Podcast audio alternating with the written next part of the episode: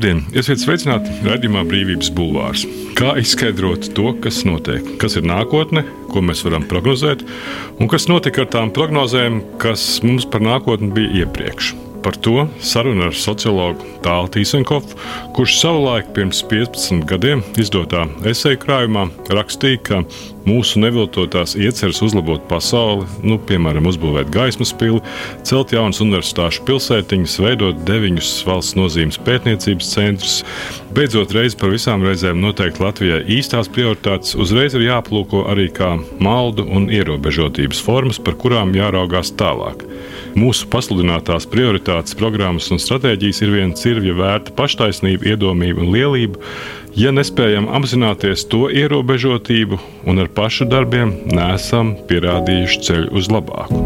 Tālu vai tu vēl aizvien tā rakstītu? Klausos un, un brīnos, kas tik gudri ir uzrakstījis. Es tā vairs nespēju uzrakstīt, bet eh, man liekas, ka tur arī ir viens vājums šajā pasāžā, ko tu nolasīji Tagad raugoties no laika atstatuma, jā, un arī atceroties pētījumus, ko mēs veicam par nākotnes prognozēšanu, tagad tādas dažādas jaunas metodas, kā to dara, tā saucamās scenārija metodas un tā tālāk. Atpakaļ plānošana, iztēloties nākotni nevis kā tālumā esošu, bet raugoties no tāluma uz atpakaļ uz šo brīdi, un tad saprotot, kā virzīties uz priekšu. Bet tas vājums, ko es saskatīju šajā pasāžā, varbūt bija individualistiska pieeja. Nu, piemēram, tas varēja būt mans viedoklis, kā es izteicos gan par gaismas pili, gan par to cirvi vērto sapņojumu. Man liekas, ka mūsdienu tajā sociālajā zinātnē ir vairāk tāda, neteiksim, kolektīva pieeja, bet sapratni gan nākotne, gan tagadne ir ārkārtīgi sarežģīta, ārkārtīgi, ārkārtīgi sarežģīta. Un neviens indivīds to nespēja paredzēt. Neviens indivīds līdz ar to ir jautājums par tādu kā kopīgu paredzēšanu, kopīgu skatu nākotnē. Nezinu, vai es atbildēju, bet tas bija kas norezonēja manī no tevis lasītā. Bet ir taisnība tam, ko rakstīja Harari savā 21. gadsimta lekcijās, ka nākotne pieder tie, kuriem pieder dati? Varbūt, bet es domāju, ka nākotne pieder tiem, kuriem piemīt saprāts, saprāts, prāts, gudrība, griba. Līdz zināmai robežai arī emocionalitāte, pamatlietas īstenībā. Es saprotu, ka lielie dati un dati ir ārkārtīgi ietekmīgi, bet uh, saprāts tik un tā ņem virsroku. Nu, pat situācijās, kad cilvēki apmulst ar visvienkāršākām digitālām tehnoloģijām, viņi nespēj tās lietot, atslēdzās e-pasts, vairs tu nevari iekļūt savā sistēmā. Nu, ko tad dzīve apstāsies? Nē, tā ikdienas gudrība. Un, Un tas prāta pamats, eh, lai no kurienes tas nāktu, tas ir daudz drošāks ceļš uz nākotni. Par laikmetu varat spriest tikai tad, kad tas ir pagājis. Bet mums nu, it kā vienalga gribās saprast to, nu, kur mēs esam tagad. Nu, ko sociologs var pateikt nu, par laikmetu, kas vēl nav pagājis, un kā mēs uzzināsim, nu, ka kāds laikmets ir beidzies? Tas nu, gan ir. Ko sociologs var pateikt? Nu, viena lieta ir, ir tie slavenie burbuļi, kas tagad ir iegājusies kā metāfora un tāds apzīmējums, vai ne, ka katrs tagad dzīvo savos tos burbuļos, saucamajos, kādreiz teicu, sociālās grupas vai šķīras vai etniskās grupas, nacionalitātes, valstiskie veidojumi. Tagad ārkārtīgi mūsu tā dzīve ir pārcēlusies uz tā saucamiem burbuļiem. Un viņi diezgan nenoturīgi un ātri pārējoši. Nu, lūk, nu, tā ir tā mūsu sabiedrība. Nezinu, kā tālāk ar to to rīkoties, un kas ir tās jaunās integritātes vai kolektivitātes formas, un cik lielā mērā tās ir noturīgas. Un socioloģija principā radās reizē ar to moderno sabiedrību, ne? Klasisko sabiedrību, kas būvējās ap nacionālām valstīm. Kopīga valoda, nacionāla ideja, lielā presa, lielās avīzes, lielā publika, liela auditorija Un tagad tas kaut kur pagaist, un uz kādiem pamatiem pārceļas mūsu sociālā dzīve. Un tas ir tāds jautājums. Tā gan nav mana tāda profesionāla darbības, bet drīzāk refleksijas mm. tēma. 2030. gadā Latvijā būs sabiedrība, kas patērē atbildīgi, ir radoša, atvērta, gatava sadarboties, draudzīga pret ikvienu, īpaši labvēlīga pret bērniem un vecākiem cilvēkiem Latvijā būs izteikti zaļa, inovatīva, uz radošiem, mazajiem, vidējiem uzņēmumiem balstīta ekonomika un pārvaldība, kuras spēs ātri reaģēt uz pārmaiņām un kur uztvers kā savējo gan nelielu pilsētiņu iedzīvotāji, gan tie, kas konkurē globālā mērogā. Šādu vīziju iezīmēja Latvijas ilgspējīgas attīstības stratēģija līdz 2030. gadam, ja projekts Latvija 2030, kas tika izstrādāts 2007. gadā tagad ir pagājis pietiekami ilgs laiks, kopš šī stratēģija arī tapa. Cik tālu priekš mēs varam prognozēt? Mm, tas laika horizonts, tas, ko pieprasa pētniecības un inovāciju akcijas un programmas un pētījumi, noteikts laika horizonts vai nu tas būtu 2050. gads vai 2040. 30. gads. Piemēram, Eiropas zaļajam kursam ir noteikti laika ietveri, līdz kuram laikam Eiropas piemēram, pilsētām vajadzētu kļūt klimata neitrālām. Nu, piemēram, līdz 2030. gadam 150 lielām Eiropas pilsētām vajadzētu būt ar nulles ietekmi uz vidi un tā tālāk. Šie laika horizonti tiek zīmēti. Un, Un tā nākotne tiek uh, modelēta gan pamatojoties uz datiem, gan arī ekspertu spriedumiem, kā viņi redz, kas ir tā saucamie virzītāji spēki, kas virz uz nākotni, kādi faktori tos ietekmē. Un tad kāda nākotne varētu izskatīties? Lielā mērā tā ir minēšana, kaut gan pamatā ir zinātniska metode, kurai nevajadzētu būt minēšanai ja to korekti izveids. Bet, manuprāt, arī tā lieta, ka mēs dzīvojam nu, tādos ne tikai nenoteiktos un nedrošos, bet arī gandrīz vai nenormālos laikos. Viss ir ārkārtīgi neskaidrs un nedrošs, bet tās intereses un vajadzības ir ārkārtīgi akūtas. Un tas raksturo šo postnormalitāti, kurā ir grūti iztēloties un iedomāties drošu ceļu uz nākotni. Tajā pašā laikā Arī šajos pētījumos tiek zīmēti tā saucamie pārējais ceļi vai pathways angliski. Un tiek, piemēram, katra scenārija ietvaros, tādu varētu būt četri iedomāti ideāli nākotnes scenāriji, tiek zīmēti vēl pakārtoti trīs, četri pārējais ceļi, kā uz šādu nākotni nonāktu. Nu, un ja cilvēks saspringst, mobilizēs un investē šādā pārējais ceļā uz labāku nākotni, tad iespējams, ka viņi to var sasniegt. Tad jā, mums bija līdzdalība, tolerance, jā, sadarbība, jā, jā, tas bija tās, jā, tās vērtības, skaistās viņi... vērtības. Tās jau pēc būtības nenoveco. Un, Bet mēs arī nevaram teikt, ka tagad, pēc septiņiem gadiem, kad būs tas 2030. gads iestājies, ka nu, solītie septiņi treknieki kādi beigsies, ka viņi būs iestājušies. Nu, savulaik uh, Roberts Čīls nāca pēc tam un veidoja jaunu, atjauninātu stratēģiju, un viņš lietoja jēdzienu sabiedriskais līgums, kas bija laba lieta, kas lielā mērā sasaucas ar manis iepriekš teikto par to, ka šīs sarežģītās lietas ir jāizlemj kopīgi, kā tādu sabiedrisku līgumu par nākotni. Tikai tad tā ir ticama. Kur nozīmē kopīgi? Nu, sanāk kaut kādā tādā tautas manifestācijā meža parkā. Nu, tā varētu būt arī intel... digitāla kopība, ka katram iepotēs smadzenēs labas lietas, kuras cilvēki var reflektēt. Individuāli nav noteikti jāsanāk meža parkā. Vai ne šī uh, kopība var būt dažādos veidos. Tāpat var būt pilnīgi imagināra līdzdomātāja kopība, ja, bez fiziskas klātbūtnes. Bet um, nu jā, tās kopības var dažādi tapt. Tam ir uh, nepieciešamība, bet īsti tāda procesa tomēr nenotiek. Tomēr... Koprades un kopīgas jā, nācijas atjaunošanas lietas un procesi, es nezinu. Jā, notiek pēdējos desmit gados pārjaunotas atvērsmes, uzrakstīts jaunas preambulas, jauni jēdzieni, ieviest un tā tālāk. Tad institucionāli mēģinājumi, bet tāda no Tas tiesas. Drīzāk šķeltniecības jā, jā, protams, protams, jā, bet no tiesas, kas satricinātu, paņemtu katru reizi aiz, kā saka, mugurkauls un aiz dvēseles, vai ne saspiestu un liktu atbildēt uz pamatlietām, tādas jau gan mobilizācijas nav bijis. Bet kas tavuprāt būtu tas jautājums, nu, kas liktu satricināt tās dvēseles? Satricināt, cik labi satricināt dvēseles, ikdienas praksa. Ja varētu dvēseles tricināt katru dienu, vai ne? Es domāju, šis karš eh, visus mūs satricināja. Un cits starpā pirms dažām dienām es paskatīties, saņēmu to bukletu, un tad es domāju, kāpēc tikai tagad, kāpēc pirms 30 gadiem jau nebija ko darīt krīzes brīžos.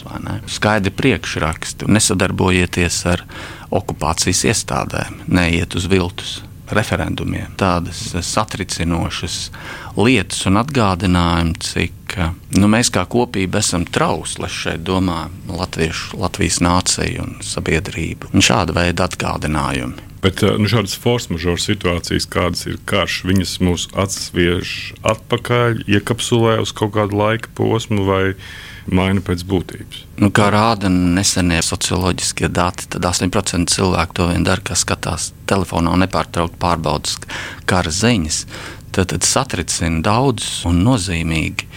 Bet es domāju, ka ikvienam tas liek pārdomāt, daudzus tas iedzen izbīlī. Es domāju, lielu daļu krievu auditorijas un Latvijas krievu, krievu valodīgo šī situācija ir nostādījusi nesaprotamā pozīcijā, kad viņi zaudē orientierus, viņi cenšas pārorientēties, un tas nav vienkārši. Tā kā šis karš tiešām satricina, bet tas iznākums vēl nav skaidrs priekš Latvijas valsts un sabiedrības tādas iekšējas nostiprināšanas. Vēl tas, manuprāt, nav skaidrs. Tavā esēju krājumā, kuras atradu tādu interesantu esēju par krievu vīriešiem, krievu pirtī un noklausītām sarunām. Un, uh, tur rakstīja, ka to sabiedrību mēdz skatīt arī caur plūstamības un noturības prizmu, un tu biji saskatījis tajās krievu vīriešu sarunās tādu zināmu noturību. Tu rakstīji, ka manā skatījumā maskulinitāte, kopiena un tautība savijoties izveido to krievu vīriešu grupu, kas šodien sastopam Latvijā, vēl šim elementu uzskaitījumam, es pievienot arī strādnieku šķiru un varbūt dažkārt arī militārā izcelsme. Es nezinu, vai viņu bērni veidojas pēc līdzīga principa, bet katrā ziņā šie elementi ļoti labi raksturo Rīgas krievu strādnieku šķiras vīriešu identitāti. Nekāda viņa integrācija nav iespējama. Var mainīt nodarbošanos, bet identitāte tik ātri nemainās. Un savā ziņā tur ir rakstīts, ka tas laika mainās dzīvesveids mainās, bet tās senās identitātes vēsmas nu, saglabājās un tiek nodotas tālāk. Es joprojām tā domāju, un es joprojām to redzu no mirklīgām situācijām, no, no mizanscēnām, no novērotā. Mm, jā, un, Nekā, tur integrācija, saliedētības politika pēc būtības nav viņi, iespējams. Jā, nu, konkrētā ļaužu grupa, viņi ir atražojuši tieši šo pašu tipāžu, un šī esē iespējams rakstīt pirms 20 gadiem apmēram. Ja? Viņu bērni ir kļuvuši tādi paši lielā mērā. Bet kāpēc? Nu, tas ir jautājums, kāpēc? kāpēc? Kā tas nākas? Es domāju, ka viena lieta mans minējums būtu, ka, protams, krievi inteliģents varēja vairāk viņos mobilizēt tādu kā iesavināšanos Latvijā, bet mēs redzam, ka krievi inteliģents pati tagad atmodās tikai ar, ar to slaveno vēstuli pirms dažiem mēnešiem kara sākumā.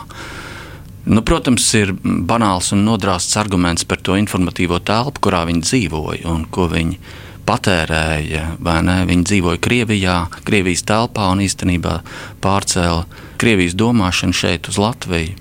Bet tad arī tas jautājums, cik viņi no tiesas vispār saprot šo ideju par vai nu politisku nāciju vai integrēšanos šeit Latvijā. Man bija nesen saruna, atstāstīta atkal saruna ar kādu nu jau cienījumos gados pensionēta sieviete dzimuši šeit Latvijā, arī imigrantu Krievu ģimenē, kur joprojām nesaprot latviešu, nav iemācījusies. Un, kad viņai jautāja, kāpēc tu neiemācījies latviešu valodu, tas bija pēc kara, pēc šī kara kontekstā. Un atbilde bija ņebila nadobnosti. Nebija vajadzības. Tā ir tik dziļa atbilde nu, fundamentāli, vai ne satricinoši dziļa. Latviešu valoda mums ir ierakstīta konstitūcijā, tā ir valsts valoda. Tad, patiesībā šī atbilde nozīmē, nebija vajadzības pēc Latvijas. Tu arī savulaik strādāji pie tādiem pētījumiem, kas bija Latvijas gada pārskata par tautas attīstību. Un, uh, es pārskatīju tagad to, kas ir pēdējos gados tapis, un viens no tādiem uzdevumiem Latvijas sabiedrībai ir 20. gada jā, pārskatā bija, kad viņi analizēja Latvijas iestāšanos Eiropas Savienībā un tādus trīs galvenos ieguvumus. Un viens no tiem bija minēts pātrināta desovietizācija. Un mēs šobrīd esam tādā punktā, kurā mēs redzam, ka ir tāds izteikta sabiedrības vai vienas sabiedrības daļas pieprasījums pēc tādas desovietizācijas uzsākšanas pēc būtības. Pēc būtības, jā. Jo kā ir pagājuši nu, 30 gadi kopš valsts neatkarības atjaunošanas, un vai šī pātrinātā desovietizācija tad ir notikusi vai tomēr nav notikusi, un, un kādēļ ir tik ilgs laiks vajadzīgs? Vai tu pats kādreiz nerakstīji par lustrāciju, vai tev bija intervijas par to, ka tā bija nepieciešama, bet nenotika pēc būtības? Tāpat arī tā, pagātne, jā, tā padomju pagātnes izraidīšana no sevis, jā, tā sovietiskuma, lai kas tas būtu. Sevišķi jau no es domāju, ka. Bet kas tas īsti ir? Droši vien, ka tas ir rašisms, droši vien, ka tas ir autoritārisms Droši vien, tā ir arī neizglītotība. Es domāju, ka tā ir etniska manipulācija tādā ziņā. Bet es domāju, ka tas ir arī e, ne tikai pēc etniskās piedarības, arī es esmu dzirdējis no daudziem latviešiem. Cits starpā vienā radio intervijā viena talsniece, kas tagad dzīvo Daugopilī, un kad viņai uzdeva jautājumu, nu, un ja nu x stundu un šeit ierodas krievi iebrucēji, kas tad notiek? Un viņa atbild, un kā jūs domājat? Protams, ka mēs viņus apsveiktu. Nu, kas tas ir? Nu, kas tas ir? Tā ir socioloģiskā teorija, ka tur 30 gadu laikā nomainās bāzes, mainās nezinu, politiskā kultūra un arī šie jautājumi ir kaut kā paši no sevis atrisinājušies. Es domāju, ka paudzes jau nenomainās pašas no sevis. Nu, ir izcelsme, ir ģimene, ir tas, kas bērnos tiek mantots, uzskatu ziņā, stājas ziņā, nezinu, kritiskās domāšanas ziņā pirtī minētie krievu veči ar militāro padomisko izcelsmi. Nu, viņa dēli jau ir tādi paši. Viņi ir kopīgi tur pie nepārtraukti baurojoša Kremļa televizora un to ir iesūkuši un pārmantojuši. Radījums Brīvības Bulvārs. Sarunas par to, kas notiek un ko mēs par to varam domāt.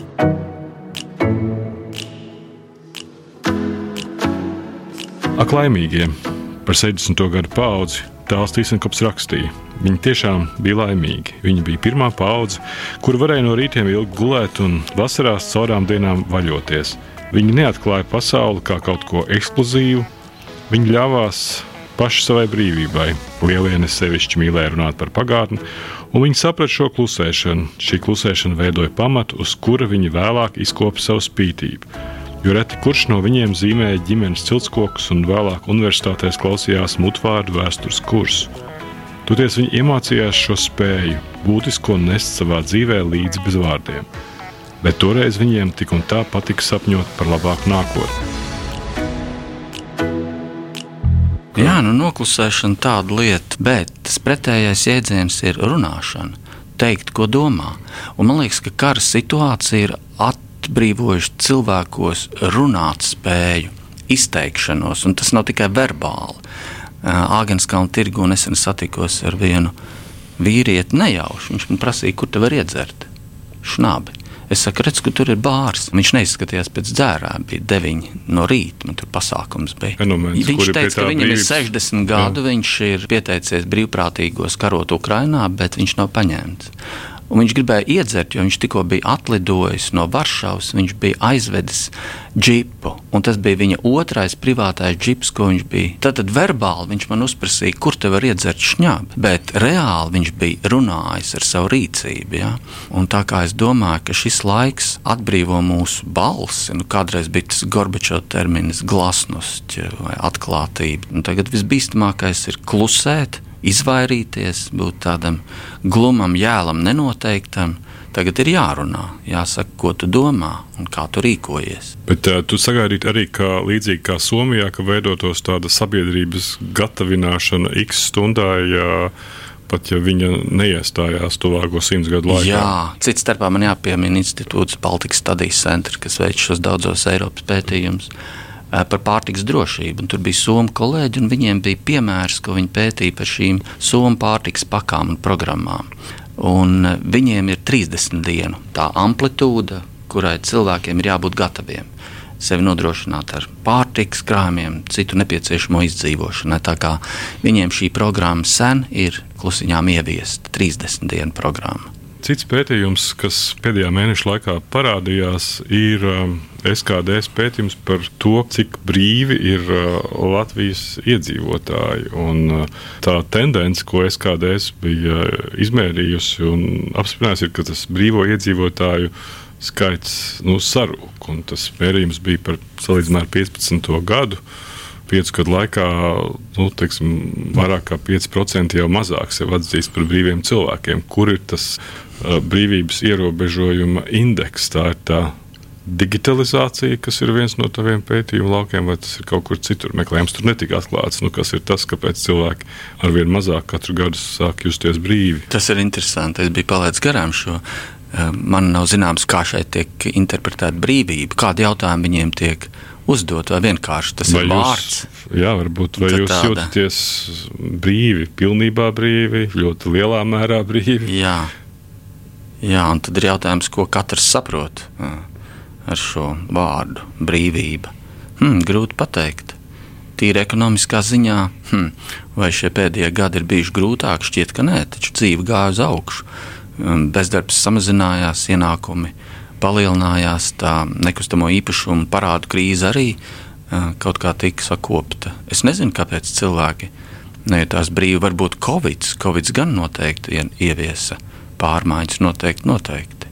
Covid radītie stresi. Jau vismaz Eirobarometrs, kas bija arī māja sākumā, rādīja, ka 71% situāciju valstī kopumā vērtē kā sliktu. Uh, Salīdzinājumā ar pagājušo gadu vasaru tas rādītājs bija pieaudzis par 13%, un uh -huh. arī mhm. līdzīgi citur Eiropā tā tendence. Uh mhm. -huh. Tas būtu jānoraksta uz Covid. Covid un varbūt arī šī kara pēkšņais iespējas, kurš īstenībā ļoti nu, degvielas cenas, un tas, ko mēs redzam, ir tukšas šoseis. Es diezgan daudz braukāju uz savām lauku mājām, un es redzu arvien tukšākas šoseis.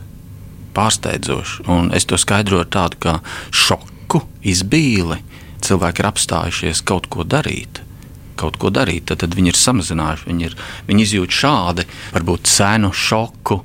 Iespējams, ka tas slēpjas aiz šī mērījuma. Es atradu tavu interviju 2009. gadā, tam, kad sākās krīze, kur tu izvirzīji tādu nepieciešamību, ka maisaimniecībām ir jāčupojas. Ka apvienosim savus pūles, tu teici, un ka, gan ka runājot par ekonomiku, tu nebija drošs, vai tur var notikt tāda čupošanās, un vai tā var ekonomiku glābt. Katrā ziņā ir jābūt mazliet kapitālam, prasmē, idejai un uzņēmībai. Un vēl paliek jautājums, nu, kur tad ir tā ekonomika, kurā biedroties. Tas šķiet bija kādā no sarunu kādā no Latvijas avīzēm. Kā tavuprāt, vai šis spējas kooperēties mehānisms nu, šo desmit gadu laikā, vai mēs esam kaut ko mācījušies no tās iepriekšējās krīzes un cik lielā mērā nu, mēs esam gatavi potenciāli jaunai? Jā, es domāju, ka šis varētu būt labs nākotnes risinājums. Privāti un personīgi es neesmu ļoti kooperatīvs cilvēks, bet citiem ieteikt gan es to varētu.